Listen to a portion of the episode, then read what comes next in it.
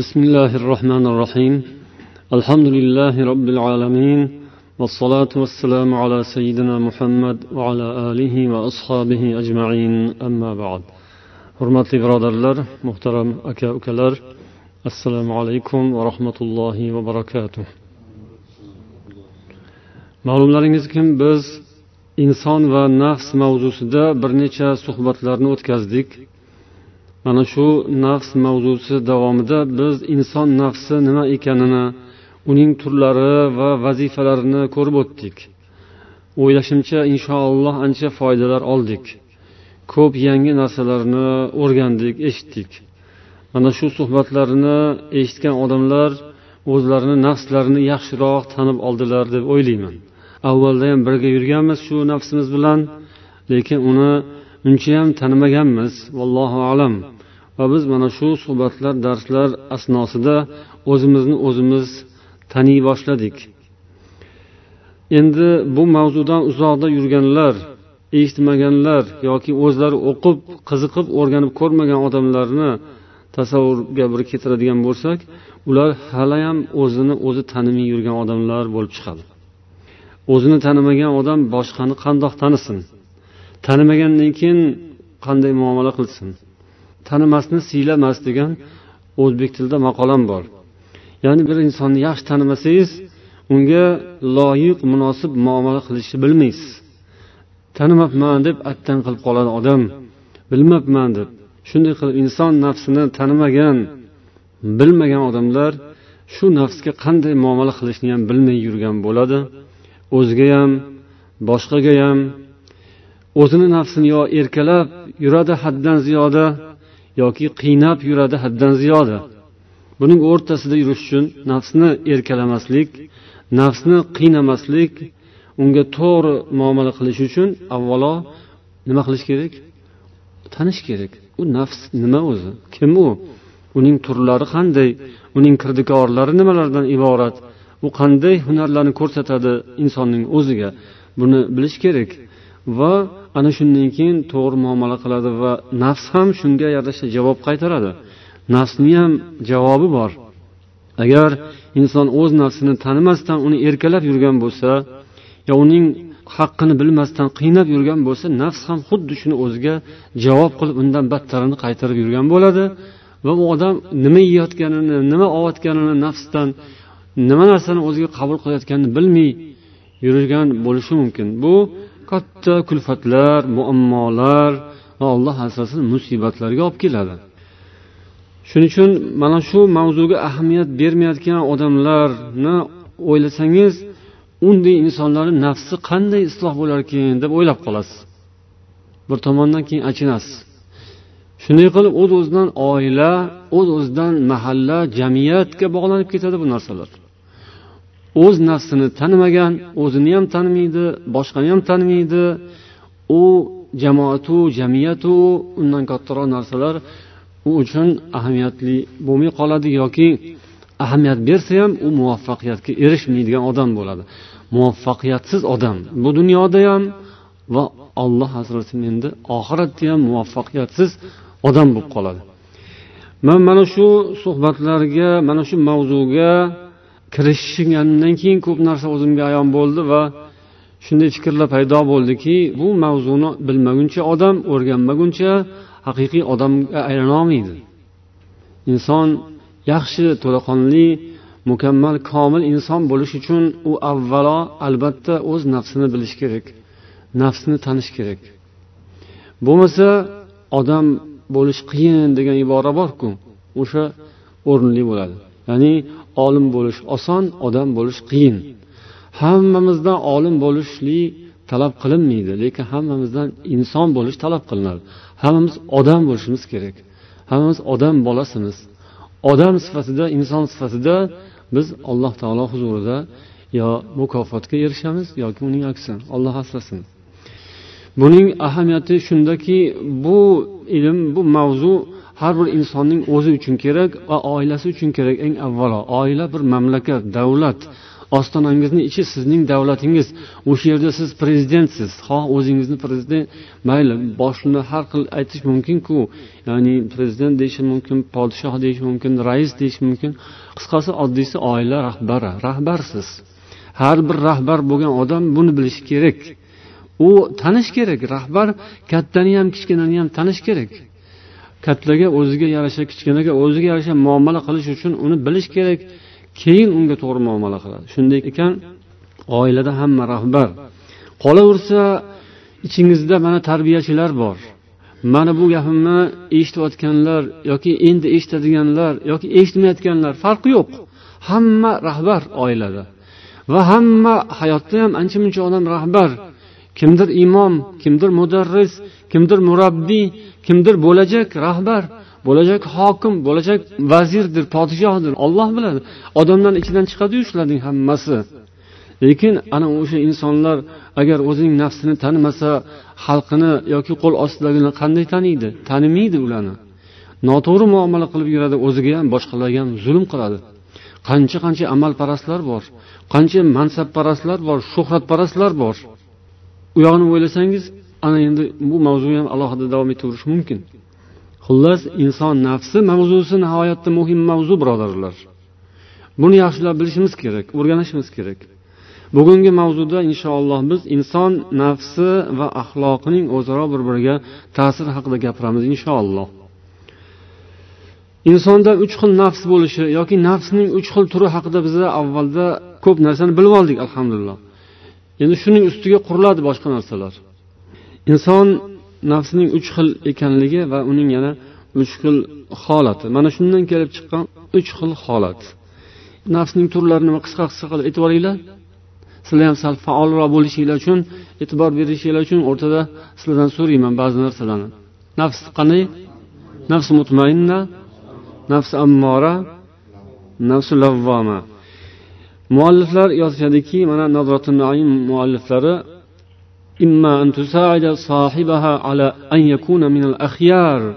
nafs insonga ya'ni o'zining egasiga yo yordam beradi yo unga dushmanlik qilib rasvo qiladi. O'ziga agar yordam bersa u nafs mutmainna nafs bo'ladi va shuni yordamiga musharraf bo'lgan inson axyorlardan bo'ladi. Ya'ni yaxshi odamlardan bo'ladi. Yoki doim uni malomat qilib tanbeh berib ayblab tanqid qilib turadi. Bu qaysi nafs? Lavvoma. Yaxshiliklarni ko'proq qilishga yomonliklardan ko'proq tiyilishga doim targ'ib qiladi doim ayblaydi insonni. San ko'p yaxshi ish qilmayapsan ibodatingni chiroyli qilmayapsan muomalangni tuzatmayapsan xulqingni tuzatmayapsan yana ko'proq amal qilmayapsan. Bundan ham ko'ra ko'proq qilsang qo'lingdan keladiku degan so'zlarni aytayotgan bo'lsa u nafsi lavvoma. Buni ham ta'siri yaxshi insonga. Bunga inson muhtoj yoki yomonlikka buyuradi gunohlarga buyuradi va uni yomon odamga aylantiradi. Bu nafsi ammora nafsi mutmainnaning axloqiy ahamiyatiga kelamiz. Ad-davr axloqiy lil nafsil mutmainna. Nafsi mutmainna hammangiz bilasiz demak insonga yaxshilik tomonidan xizmat qiladi va uning aloqalarini isloh qiladi. Inson aloqalari va amallariga ijobiy ta'sir ko'rsatadi. Bu o'rinda inson aloqalari o'rtaga chiqadi. Inson aloqalari nimadan iborat? Inson aloqalari deganda uchta narsani tushunar ekanmiz. Inson aloqalari uch qismga bo'linadi. Insonning olloh bilan aloqasi insonning o'zi bilan ya'ni o'zining nafsi bilan o'zligi bilan aloqasi insonni boshqalar bilan aloqasi. Mana shu uch xil aloqa bor. Bu oddiy narsaku deysizlar mana shuni. To'g'rimi? Oddiy o'zimiz bilamiz. Xuddi avval o'zimiz biladigan. Lekin o'zimiz bilib yonida yurib ko'rib tanimay yurganmiz birodarlar. Bu narsani bilish boshqa uni tartiblash boshqa. Tartibi bilan bilish boshqa. Uyingizda ko'p narsangiz bo'lsa aralash quralash bo'layotgan bo'lsa u sizni narsangiz bor bilan yo'qni o'rtasida farq qolmaydi. Chunki kerak bo'lganda topolmaysiz o'sha narsani. Kerak bo'lganda topilmasa yo'qdekda u bor bo'lib ishlamasa yo'q bilan barobarda u shunga o'xshab biz bilamiz deganingiz bilan uni tartibini bilmasangiz qaysini qayerga qo'yishni bilmasak uni qanday qilib ishlatishni bilmasak bilmagan bilan barobarda u bilganimizning foydasi yo'q. Demak insonning aloqalari uch xil qismga bo'linadi. Buni yaxshi esimizda saqlashimiz kerak. Ya'ni bizning qilayotgan ishimizni shu uch xil qismni qaysi biriga tushishini ham bilishimiz kerak. Biz har kuni amal qilamiz gapiramiz fikrlaymiz hatto. Va hokazo uxlaymiz yo boshqa turamiz. Bu bizning aloqalarimizning qaysi qismiga tushadi? Buni avvalo bilaylik. Bu alifbo bu o'zi. Demak olloh bilan o'zi bilan boshqalar bilan. Endi inson amallarining ham taqsimoti bor. U ham uchga bo'linadi. Qani buni o'zingiz aytib yuboringlar hamma amallar uch qismga bo'linadi. U ham bor yana inson amallarining taqsimoti mana bunday. Qalb amallari badan amallari til amallari. Oson bilardikku deysizlar. Ha bilasizlar. Lekin so'raganda topilmaydi kelmaydi. Bu nimadan? Bu o'shani qayta qayta murojaat qilish buning davosi. O'qish o'rganish eshitish o'zaro muloqot o'zaro muhokamalar savol javoblar shu mavzular ustida fikrlash gaplashish munozara. Buning yo'qligi ham ko'p bor narsamizni ham yo'qqa chiqaradi. Bordan ham foydalana olmaymiz. Qaysi birini yuzaga tepaga olib chiqib qo'yishimiz kerakligini bilmaymiz. Narsalarimiz ko'p ilmlarimiz ko'p lekin tartiblab tartiblab oldinga olib chiqib qo'yadiganlari bor. Doim tayyor turish kerak bo'lgan har kuni gapirib turishimiz kerak bo'lganlari bor. O'sha muloqotlar va darslar davomida aniqlanadi yuzaga chiqadi. Shunda foydasi bo'ladi. Demak amallar uch xil bo'ladi. Qalb amallari buni ulamolar qavs ichida aql ham deyishgan aql amallari bunga ham e'tibor beraylik. Qalb aql ko'pincha bir biriga omuqda bir biriga qo'shilgan tarzda talqin qilinadi. Amallar aqliy amallar ya'ni qalb amallari badan amallari til amallari. Endi yana bir narsa mana shu uchta narsa ana u uchta narsaga bo'linadi. Endi aytinglarchi qaysini qaysiga bo'lamiz? Yo birinchi uchtani bunga bo'lish kerak yo bu uchtani unga bo'lish kerak. Qani aytib ko'ringlarchi qaysi qaysisiga bo'linadi? Qisqasi shuki unga ham bo'linaveradi bunga ham bo'linaveradi xohlaganingizga bo'ling. Xohlang birinchi uchlikni keyingi uchlikka bo'ling. Xohlang keyingi uchlikni birinchi uchlikka bo'ling. Ya'ni bir biriga bo'linadi shu amallar. Ya'ni masalan qalb amallari deganda uchga bo'linadi. Ya'ni olloh bilan bo'ladigan aql va qalb amallari nafs bilan bo'ladigan qalb amallari boshqalar bilan bo'ladigan qalb yoki aql amallari. Endi badan amallari u ham nechiga bo'linadi? U ham uchga bo'linadi. Nima nima? Odamlar bilan deganda boshqacharoq qilish kerak. Faqat odamlar emas atrofingizda. Boshqalar bilan ya'ni. Maxluqotlar bilan. Olloh yaratgan sizdan boshqa hamma narsa bilan hamma mavjudot bilan ollohdan boshqa. Ollohdan boshqa sizdan boshqa va boshqa hammasi endi. Uni ichida farishtalar bor jinlar bor odamlar bor hayvonlar bor. Jamodot ya'ni jonsiz olam bor hamma hamma hammasi bor. Boshqalar bilan degan shunaqa keng ma'noda. Badan amallari ham shunaqa uchga bo'linadi. Endi til amallari bu ham xuddi shunday. Olloh bilan o'zi nafsi bilan va boshqalar bilan. Qanday qilib qisqa qisqa misollar bilan aytib o'taylik. Masalan birinchisi qalb amallari dedik yoki aql bular olloh bilan bo'ladigani iymon rozilik tavhid taqvo rajo xavf va hokazo. Ya'ni shular olloh bilan bo'ladigan qalb amallar. Inson qalbida aqli zakovatida zehnida shu amallarni bajarish kerak. Ya'ni qalb bilan bajariladigan amal qalbingizda taqvoyingiz bo'lsin qalbingizda tavhidingiz bo'lsin qo'rquvingiz bo'lsin ollohdan umidingiz ham ollohdan bo'lsin. Bu olloh bilan birga bo'ladigan allohga nisbatan qalb amalimiz nafs bilan bo'ladigan qalb amali nima? Buning misollari omonatdorlik. Siz omonatdor bo'ling. Siz yaxshi niyatli bo'ling. Hayoli bo'ling. Vassakina va tumanina xotirjamlik. Ya'ni nafsi mutmainnaning sifatlarida keluvdi. Sizning qalbingiz xotirjam bo'lsin orom oladigan bo'lsin. Yaxshilik bilan zikr bilan ibodat bilan bu sizning nafsingizda bo'ladigan qalb amali. Boshqalar bilan bo'ladigan qalb amali nima? Bu keng yuraklik mehribonlik muloyimlik muhabbat yaxshi narsani yaxshi ko'ra olish yomon narsani yomon ko'ra olish. Bu boshqa o'zingizni atrofingizdagilar bilan. Endi alloh bilan bo'ladigan badan amallari bu.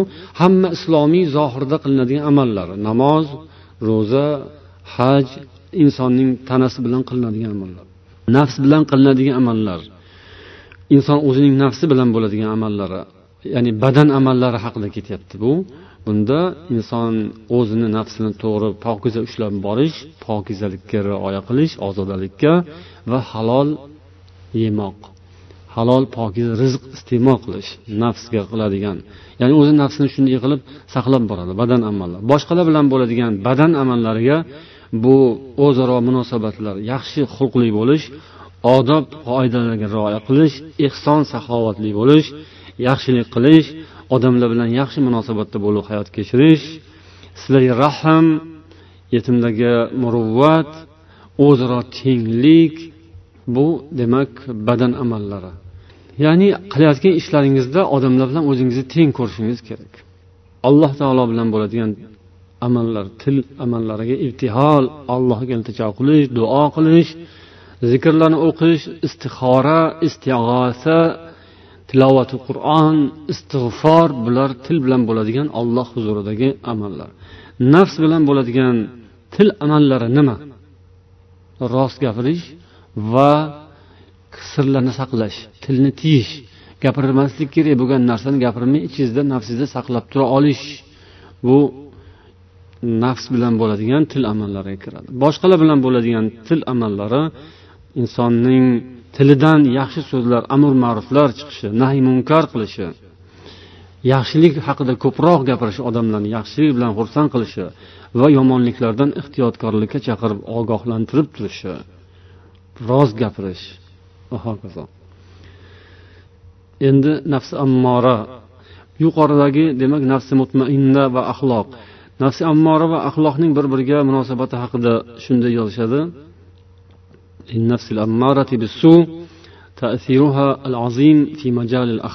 Insonning axloqi shakllanishida amallarining shakllanishida nafsi ammoraning ta'siri nihoyatda kuchli bo'ladi.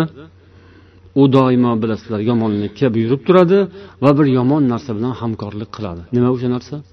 Shayton iblis. shayton bilan hamkorlik qiladi doim. Sizning nafsingiz mening nafsim. Nauz billah minash shaytonir rojim. Nauz billah min shururi anfusina. Payg'ambar o'rgatgan duo bu. Payg'ambarimiz sollallohu alayhi vasallam o'qigan duo bu. Hammamizning nafsimiz shayton bilan hamkorlik qiladi. Biz o'zimizga katta baho bermaylik. O'zimizni juda teparoqda odamlardan alohida his qilmaylik. Odamlarni ichidamiz shayton bilan yonma yonmiz shayton bizga doimo hujum qiladi. U shaytonni bizning ichimizda josusi bor. Biz o'sha josusni ko'tarib yuramiz. Ko'pincha tanimay bilmay qolamiz. O'zi josus bo'lmagan mamlakat bormi? Qaysi mamlakatda josus yo'q? Jannatda yo'q to'g'ri. Lekin bu dunyodachi o'zbekistonda yo'qmi josus? Shvetsiyada yo'qmi josus? Saudiyada yo'qmi josus? Payg'ambar sollallohu alayhi vasallam qurgan madina davlatida josus yo'qmidi? Subhanalloh. Hamma joyda bor shunday ekan sizning ichingizda ham bor josus. Mani ichimda ham hammamizni ichimizda hammamizni uyimizda josus yashaydi. O'sha josusni nima uchun yo'q qilib bo'lmaydi? O'zbekiston davlati hukumati yoki mxxsi josusni bilib qo'yib qo'yadimi? Yoki boshqa bir davlat josusni bilib qo'yib qo'yadimi yashatib uni semirtirib boqib yuradimi? Xuddi shunga o'xshab biz ham semirtirib boqib yuramizmi ichimizdagi josusni? Davlat yoki uning maxfiy xizmatlari josusni bilsa tutib darhol uning chorasini ko'rib olib boradigan joyga olib borib o'tkazadigan joyga o'tkazib qo'yadiku. Qo'lidan kelsa qo'lidan kelmaydida shu qarang bu bir hikmat. Xuddi shunga o'xshab sizni ham qo'lingizdan kelsa josusni qanday qilib bo'lsa bilasiz ta'zirini adabini berib qo'yardingiz tanobini tortib qo'yardingiz. Lekin ollohni hikmati shunaqaki o'sha josusni sizning ko'zingizga judayam chiroyli qilib ko'rsatib qo'yadi. O'sha josuslar ham davlat ichiga kirib borib o'sha boradigan joygacha boradi. Iloji bo'lsa deydi shu podshohning yoniga o'tirib olasan deydi. O'shanaqa qilib jo'natadi josuslarni. olloh ham sizni bizning ichimizga yaratib qo'ygan maxluq shunaqa. Jonimizni yoniga o'tirib oladi u. Iymonimizni yoniga o'tirib oladi u. O'sha yerda turib o'sha podshosini hal qilish kerak edi. Podshoni qo'lga olsa tamom mamlakat qo'lga olingan bo'ladi. O'sha narsa nafsi ammora bo'ladi va undan doimo panoh so'rashimiz kerak.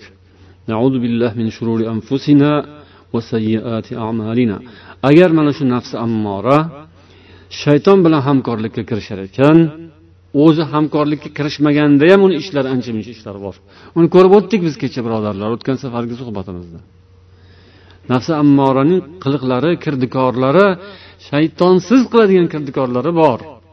Uni ko'p odam bilmay yoki bilishni istamay shaytonga ag'darib yuraveradi.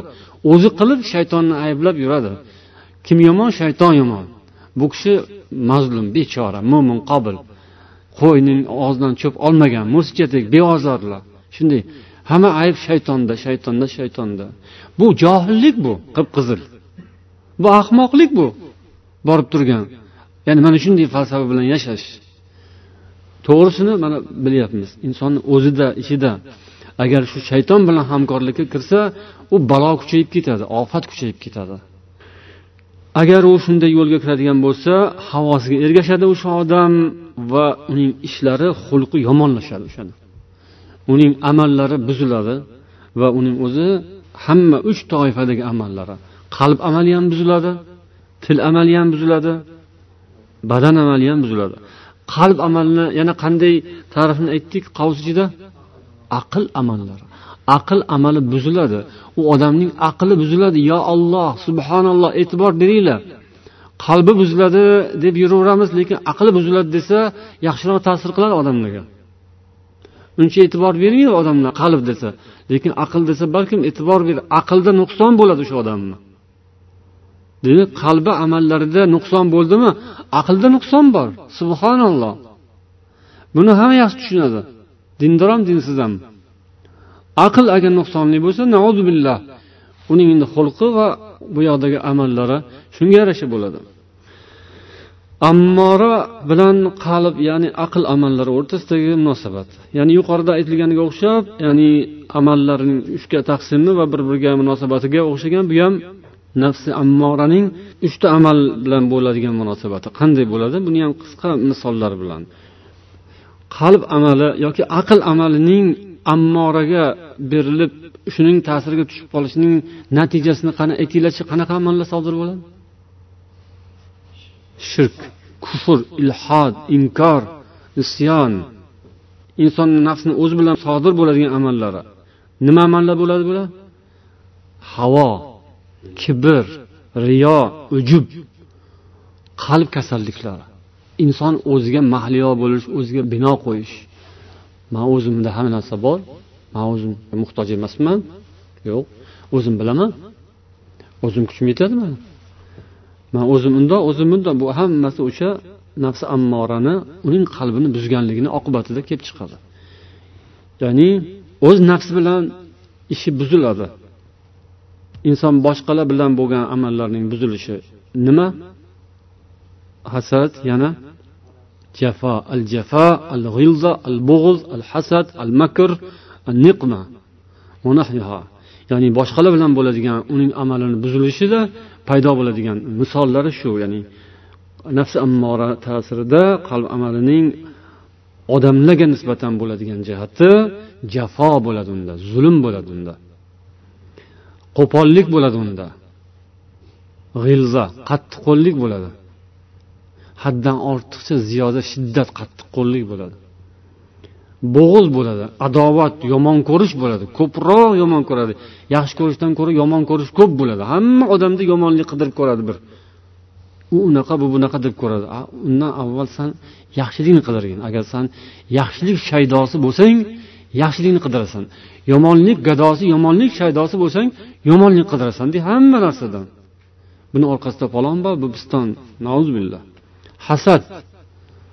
Hamma yaxshilikni yomonlikni yo'yib hasad qilaveradi va makr hiyla odamlarga nisbatan makr bilan hayot kechiradi. Aldamchilik bilan yolg'onchilik bilan. Bu qalbdagi nuqson deyapmiz. Hali yana bitta qo'shimchasi tarifi nima dedik? Aqldagi nuqson. Aqldagi nuqson shunday qiladi. Inson aqlining noqisligidan u makr qiladi. To'g'rimi? O'sha joyiga aqli yetmagandan makr qiladida rost gapirib haq gapirib to'g'ri turib rost turib maqsadga yeta olmasligiga ishonib maqsadga yetolmayman deb makr qiladi. O'sha makrni o'rnida nima bo'lishi kerak edi? Aql turishi kerak edi. To'g'ri o'zi haq bilan rostlik bilan yetsa ham bo'ladigan joyga yetolmagandan keyin nimaning nuqsoni u? Aqlning nuqsoni. Qalbning buzilishi qalbning kirligi. Endi ammori va tana amallari javorih tana bilan bo'ladigan amallar namozni tark qilish ibodatlarni qilmaslik jamoat haqlarini bajo qilmaslik u jamoat namozlari bo'lishi mumkin jamoat ishlari bo'lishi mumkin. Nafsi ammoraga berilgan odam bu ishlarni tashiydi. Ya'ni yoki o'ldi jo'ldi qiladi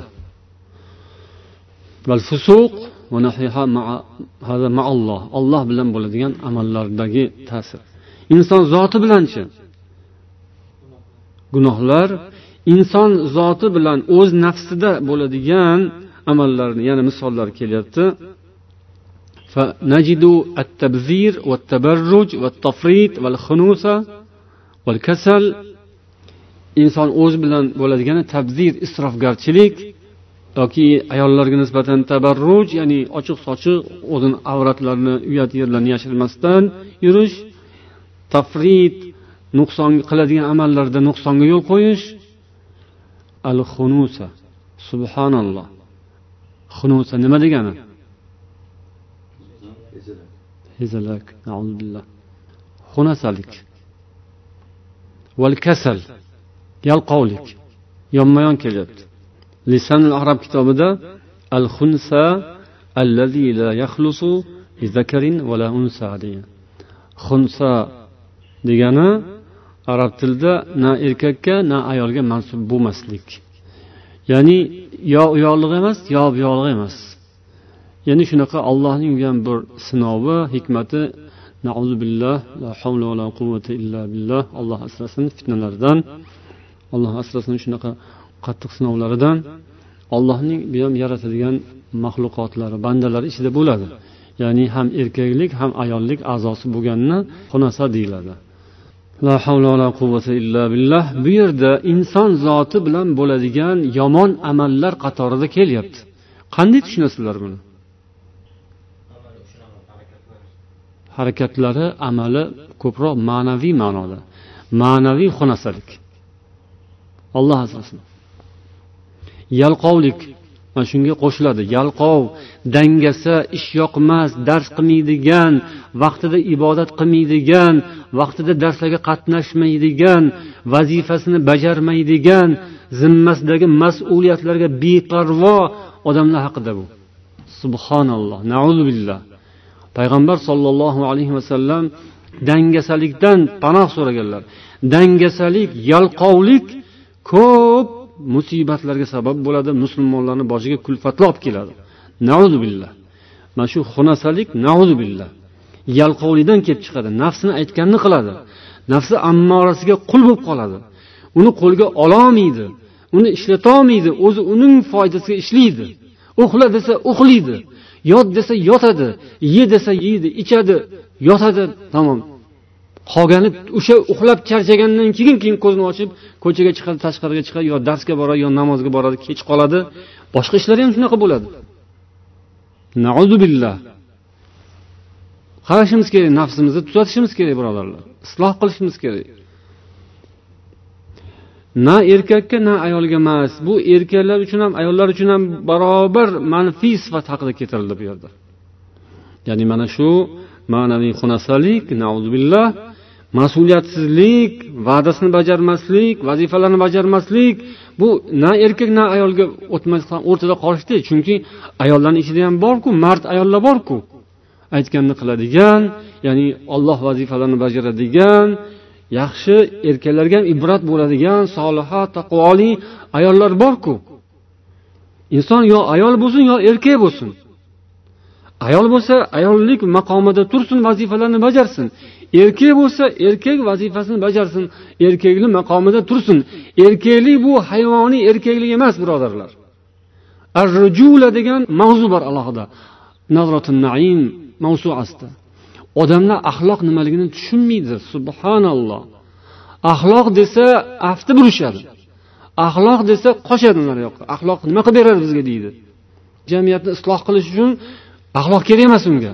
san axloq kerak bo'lmasa sanga san xunasa bo'lib qolishing mumkinku rujula degan qayerdan olasan qaysi siyosat o'rgatadi senga qaysi siyosiy fanlar o'rgatish kerak bu narsalarni mana u xunasalik mana u rajulat ya'ni erkaklik mardlik mana bu bo'ladi deb axloq fani o'rgatmasa sanga kim o'rgatadi o'zing bilmasang وفيما يتعلق بالنفس فإننا نجد التكاثر والفخر ونحوهما biz yana mana shu inson nafsga taalluqli bo'lgan inson o'z zoti bilan o'zlik bilan nafsi bilan bo'ladigan nafsi ammoraning yomon amallari qatorida takasur ya'ni ochko'zlik ko'p bo'lish o'ziga o'sha yaxshi narsa bo'lsa ham mayli. Yaxshi halol narsani ham haddan ziyoda ko'p bo'lishini talab qilish va faxrlanish maqtanchoqlik xudbinlik ochko'zlik subhanalloh. Bu ko'p odamda bor bu kasallik. Nafsi shunday ta'sirlangan nafsi ammorasining ta'siriga tushib qolgan ochko'z xudbin manfaatparast shaxsiyatparast o'zini obro'sini birinchi o'ringa qo'yadi o'zini manfaatini birinchi o'ringa qo'yadi. Xudo asrasin shunaqa siyosatchidan o'shunaqa boshliqdan xudo asrasin. Bu narsalarni ajratmaydigan xalqni boshiga chiqib olib faqat kulfat olib keladi. Yana u axloqni nazarga ilmaydi u. hamma odam oldin axloqni tuzatsin xulqini tuzatsin. U hatto uyda er bo'lish uchun yoki xotin bo'lish uchun oddiy odam bo'lish uchun yoki jamoat ichida bir oddiy birodar bo'lish uchun odamda xulq bo'lishi kerak xulqini tuzatish kerak nafsini isloh qilish kerak. A keyin bo'lasan hokim bo'larsan vazir bo'larsan ana prezident bo'larsan podshoh bo'larsan yana boshqa narsa bo'larsan. Sanda xulq bo'lsin avval. San oldin odam bor erkak kishimisan erkak bo'lgin. Ya'ni u hali kelamiz o'sha mavzuga ham. Hayvonlardagi bor erkaklik haqida emas bu yerda. Insoniy erkaklik mardlik. Mardlik degan so'zni ma'nosi u nima o'zi forscha so'z. Nima degani mard? Mard degani erkak degani zan degani xotin degani. Mardona zanona deydi. Mardonani biz ishlataveramiz o'zimizcha ma'nosini. Kimdir tushunib tushunmay mardlik degani erkaklik degani ya'ni forschadan olganda arabchada ham rujula erkaklik ya'ni ma'naviy ma'noda. Olloh erkaklarni kuchli qilib yaratgan quvvatli qilib yaratgan zabardast qilib yaratgan amallar ham shunga yarasha bo'lishi kerak. Erkak kishi umuman inson ayol kishi ham hatto unda shunaqa quvvat yaxshi solih amallarga shijoat quvvat harakat g'ayrat bo'lishi kerak. Shu ma'noda.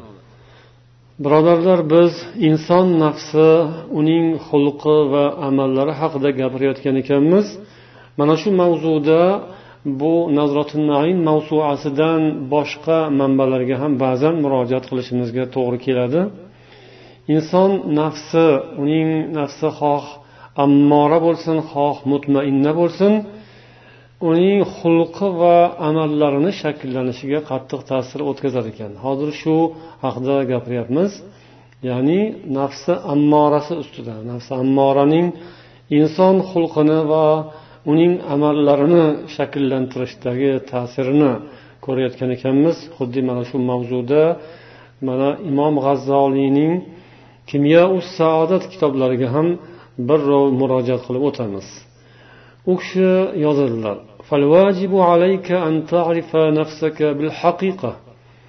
sening zimmangda vojib bo'lgan narsa shuki o'zingning nafsingni haqiqatan nima qanday ekanini bilishing kerak. Hatta tudrika ayya shayin ant? Ayyu shayin ant? Toki sen o'zing nimasan? Shuni yaxshilab bilib olishing uchun nafsingni tekshirib ko'r o'rgan. Sen kimsan? Nimasan?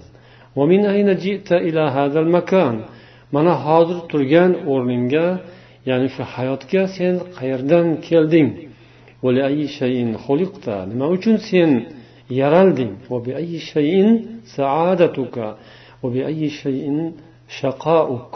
Sening saodating nima bilan bo'ladi? Sening baxtsizliging esa uchi u nima bilan bo'ladi? Shu narsani sen bilgin o'rgangin deydilar. Haqiqatan ham odamlar baxtni ko'p gapirishadi. Bu dunyoda yashab baxtga erishish lozimligini bilishadi va odamzod o'zidan o'zi har kim bilganicha baxtga intiladi. Lekin ko'p odam baxtning yo'lini baxt o'zi nimayu unga qanday yo'l bilan erishilishini bilmagani uchun o'zining baxtiga zid teskari ishni qilib yuradi. Ba'zilar esa o'zining baxt va saodatining yo'li qayerda ekanini bilmay ana shu bilmagani uchun baxtu saodati yo'liga qarshi kurashib yotadi. O'zining baxtiga o'zi chang soladi. O'zining saodat yo'llarini o'zi buzadi. Buning sababi nima? Sababi johillik bilmaslik va bilishga intilmaslik. Imom g'azzoliy agar sen baxtingni qo'lga kiritmoqchi bo'lsang avvalo nafsingni tani sening nafsing nima u?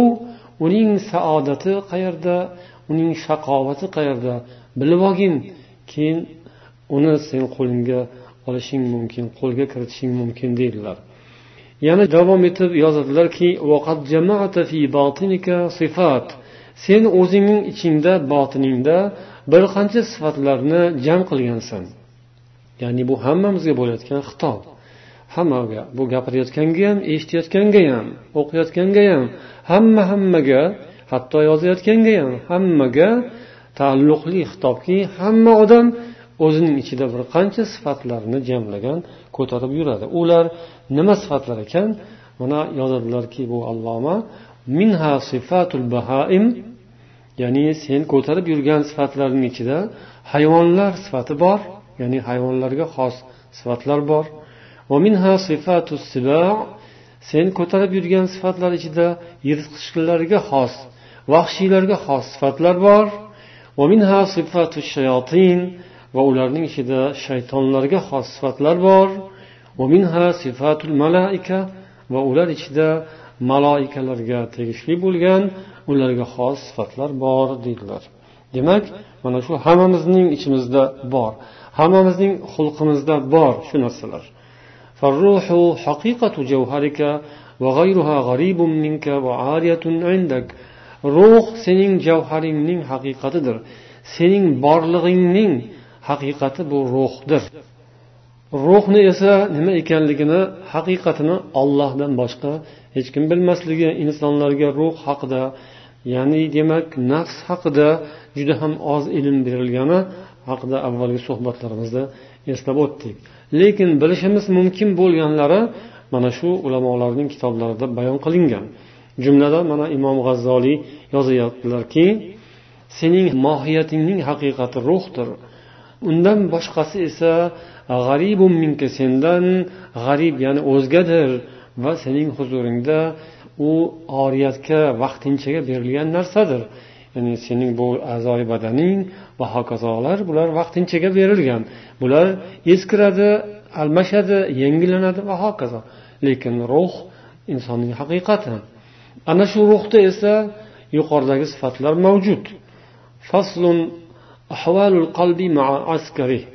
I'lam anna qalbi ma'a askarihi ahvalan va sifat.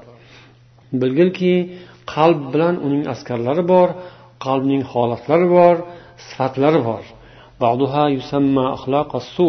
O'sha xulqlarning sifatlarining ba'zilari yomon xulqlar deb nomlanadi va ba'zilar esa yaxshi xulqlar deb nomlanadi. Va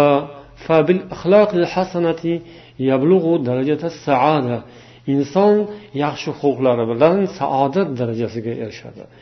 Yomon xulqlar bilan esa halokatga giriftor bo'ladi va baxtsizlikka mubtalo bo'ladi.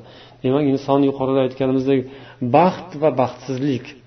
Buning yo'li nima ekan mana imom g'azzoliyning ta'riflariga ko'ra baxt saodatning yo'li omili yoki vositasi yaxshi xulqlar baxtsizlikning vositasi omili yoki sababchisi yoki yo'li bu yomon xulq. Mana shu yaxshi xulqlar yomon xulqlar deyapmiz. Bularni taqsimlab chiqadigan bo'lsak to'rt xil guruhga bo'linadi. Yuqorida aytilgandek shaytonlar xulqi shaytoniy xulqlar bahoyimlar xulqi ya'ni hayvoniy xulqlar va axloqu siba yirtqichlar xulqi va axloqul malaika maloikalar xulqi. Mana shularning hammasidan insonda nasiba bor. Undan keyin imom g'azzoliy mana shularga qisqa qisqa misollar ham keltirib o'tganlar.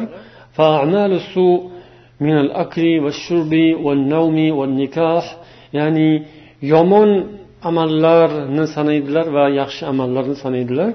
Yomon amallar yoki muboh amallar o'rtacha ya'ni ikki tomonga ham yo'ysa bo'ladigan holatga qarab ba'zi amallar muboh bo'ladi uni u yoqqa ham bu yoqqa ham yo'ysa bo'ladi holatga qarab. Xullas mana shu amallar yoki shu xulqlarni tasniflaydilar. Aklu shurbu navmu nikoh ya'ni yemoq ichmoq uxlamoq nikohlanmoq bular min axloqil bahaim. Ya'ni hayvonlar xulqidandir deydilar. Ya'ni hayvonlarda ham mana shu narsa bor balki hayvonlarga bu xos hayvonlarga bu doimiy. Hayvonlarning ishi faqat shu. Ya'ni ularda bundan boshqa xulq bo'lmaydi. Hayvoniy xulqlar shular. Yeydi ichadi hayvonlar uxlaydi. Ular ham ko'payadi. Mana shu. Endi yana g'azabga bog'liq amallar bor.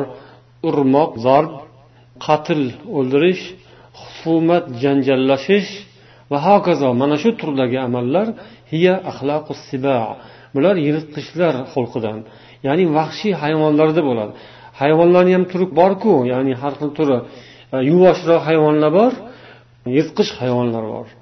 Yuvosh hayvonlar mol qo'y deganday ularning ishi faqat yemoq ichmoq va hokazo. Ammo yirtqichlarniki alohida dunyo ularning hayoti urush sindirish o'ldirish qon to'kish talashib tortishish mana shu narsa ustiga qurilgan. Ular shunday hayot kechiradi. Ularning hayoti saodati hatto mana shunday.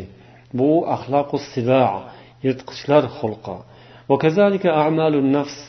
Endi shu nafsning amallarida uchraydigan inson nafsida tabiatida bor bo'lgan ba'zi amallar. Al makru val haylatu val g'ishu va g'ayri zalik. Makr hiyla aldamchilik muttahamlik firibgarlik mana shunga o'xshash amallar bor. Hiya axloqu shayotin bu shaytonlar xulqi hisoblanadi. Ya'ni shayton shu bilan tirik. Shaytonning saodati go'yoki shunda. Shaytonning hayoti tirikligi shunda. Shaytonlar shu bilan hayot kechiradi. Ya'ni makr hiyla muttahamlik firibgarlik aldamchilik munofiqlik va hokazo. Yana aql. Endi insonning aqliy qalb amallari unda yaxshilikka yetaklaydigan amallar ezgulik amallari ya'ni mehribonlik ar rohma val ilm val xayr hiya axloqul maloika. Bular maloikalar xulqidandir deydilar. Mehribonlik ilm ma'rifat yaxshilik ezgulik va hokazo. Keyin davom etib aytadilarki bu sifatlarning ozuqasi bor rivojlanishi bor. Buni taraqqiy etish yo'li ham bor.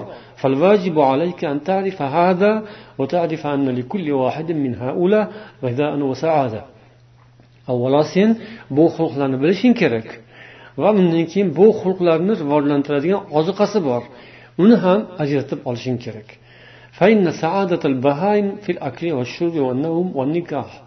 Bahoimlarning saodati baxti ya'ni xursand bo'ladigani mana maqsadga erishdim deb xursand bo'lib baxtga erishadigan nuqtasi yeyishda bo'ladi ichishda bo'ladi uxlashda bo'ladi nikohda bo'ladi. Agar sen ham o'shalar qatoriga kirgan bo'lsang ya'ni sening ham maqsading mana shulardan iborat bo'lgan sen ham shu hayvoniy sifatlarga ko'proq mukkasidan ketgan bo'lsang unda sen qorin va farjini amaliga ko'proq harakat qilaver. Ya'ni shu ikkita tomonga zeb berib faqat shuni ustida o'ylab faqat shuni taraqqiy toptirish faqat shuning rangorang turlari shular haqida o'ylasang demak sen o'zingning sinfingni topgan bo'lasan va o'shaning saodatini ketidan yugurgan bo'lasan degan ma'noda aytadilar agar san ham o'shalardan bo'lsang bahoim ya'ni hayvonlar qatoridagi bo'lsang sifatlaring shunga oshib toshib ko'milib san shu sifatlarga ko'milib qolgan bo'lsang endi shu yo'lda ketasan. Saodatu siba ya'ni yirtqichlarning baxti nimada? Yirtqichlarning xulqini aytildi yuqorida baxti ham shunda bo'ladi. Fiddorb ya'ni zorb urush fatk yirtish sindirish o'ldirish quvish qamash o'g'irlash. Va hokazo agar sen o'shalardan bo'ladigan bo'lsang o'shalarni rivojini qilasan o'zingni ko'rsatasan. Shu toifa bo'lsang ur o'zingni ko'rsat diktator bo'l faqat sen aytganing bo'lsin hammaga hukmingni o'tkaz hukmingni qabul qilmasa o'ldir qama turt qiynoqqa sol va hokazo. Ya'ni san agar shu ishlarni qilayotgan bo'lsang sen vahshiylar qatoridasan. Ya'ni yirtqichlar xulqi bilan ko'milgan inson shaklidagi yirtqich bo'lgan bo'lasan. Shaytonlarning saodati ya'ni ularni xursand qiladigan narsasi makr. Hiyla yomonlik muttahamlik ya'ni shayton mana shu ishlarda agar g'olib bo'lsa bir narsalarni qo'lga kiritsa u xursand bo'ladi. Ya'ni shuni baxt deb biladi. Deydilar imom g'azzoliy agar sen ham o'shalardan bo'lsang o'shalarni ishini qilaverasan. Ya'ni shu makr qilib xursand bo'lasan. Birovni aldasang demak sani diling yayriydi nafsing xursand bo'ladi. Hiylang makrlaring odamlarni xalqni aldashing va hokazo ishlaring agar go'yoki sani nazaringda natija berib saning hisobingda g'alabalar kelayotgan bo'lsa demak sen shaytonlar qatoridagi inson shaklidagi bir maxluqsan. Unda mana shu sening saodating shu yo'lda ketaverasan oxirida o'shalar kirgan joyga kirasan o'shalar bilan birga bo'lasan. Bu dunyoda kim kim bilan birga bo'lishni yoqtirsa oxiratda o'shalar bilan birga bo'ladi.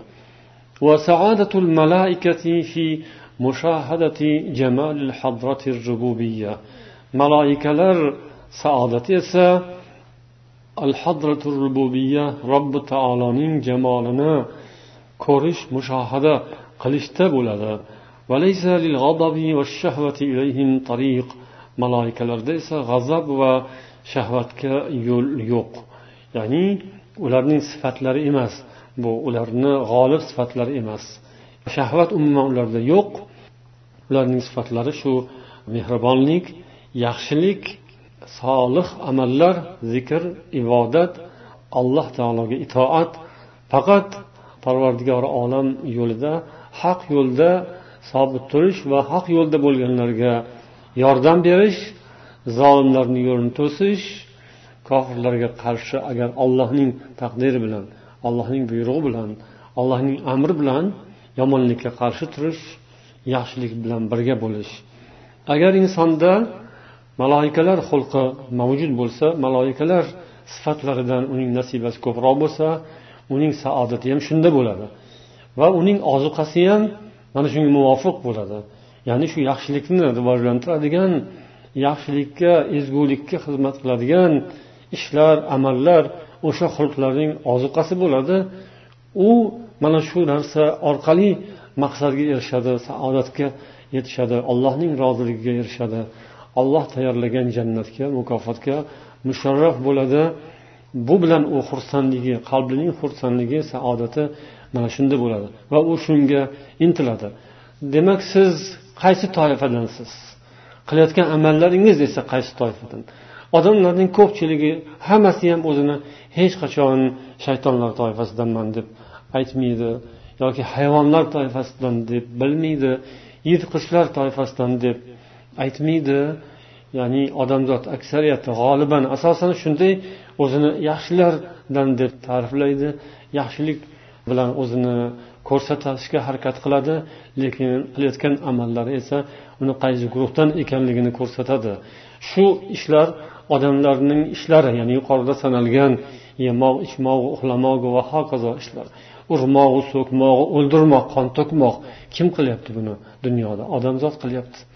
Makr hiyla muttahamlik aldamchilik yolg'on siyosat xalqni yolg'ondan aldab ularni shu falokatlar musibatlar ko'chasiga qarab boshlab olib ketish.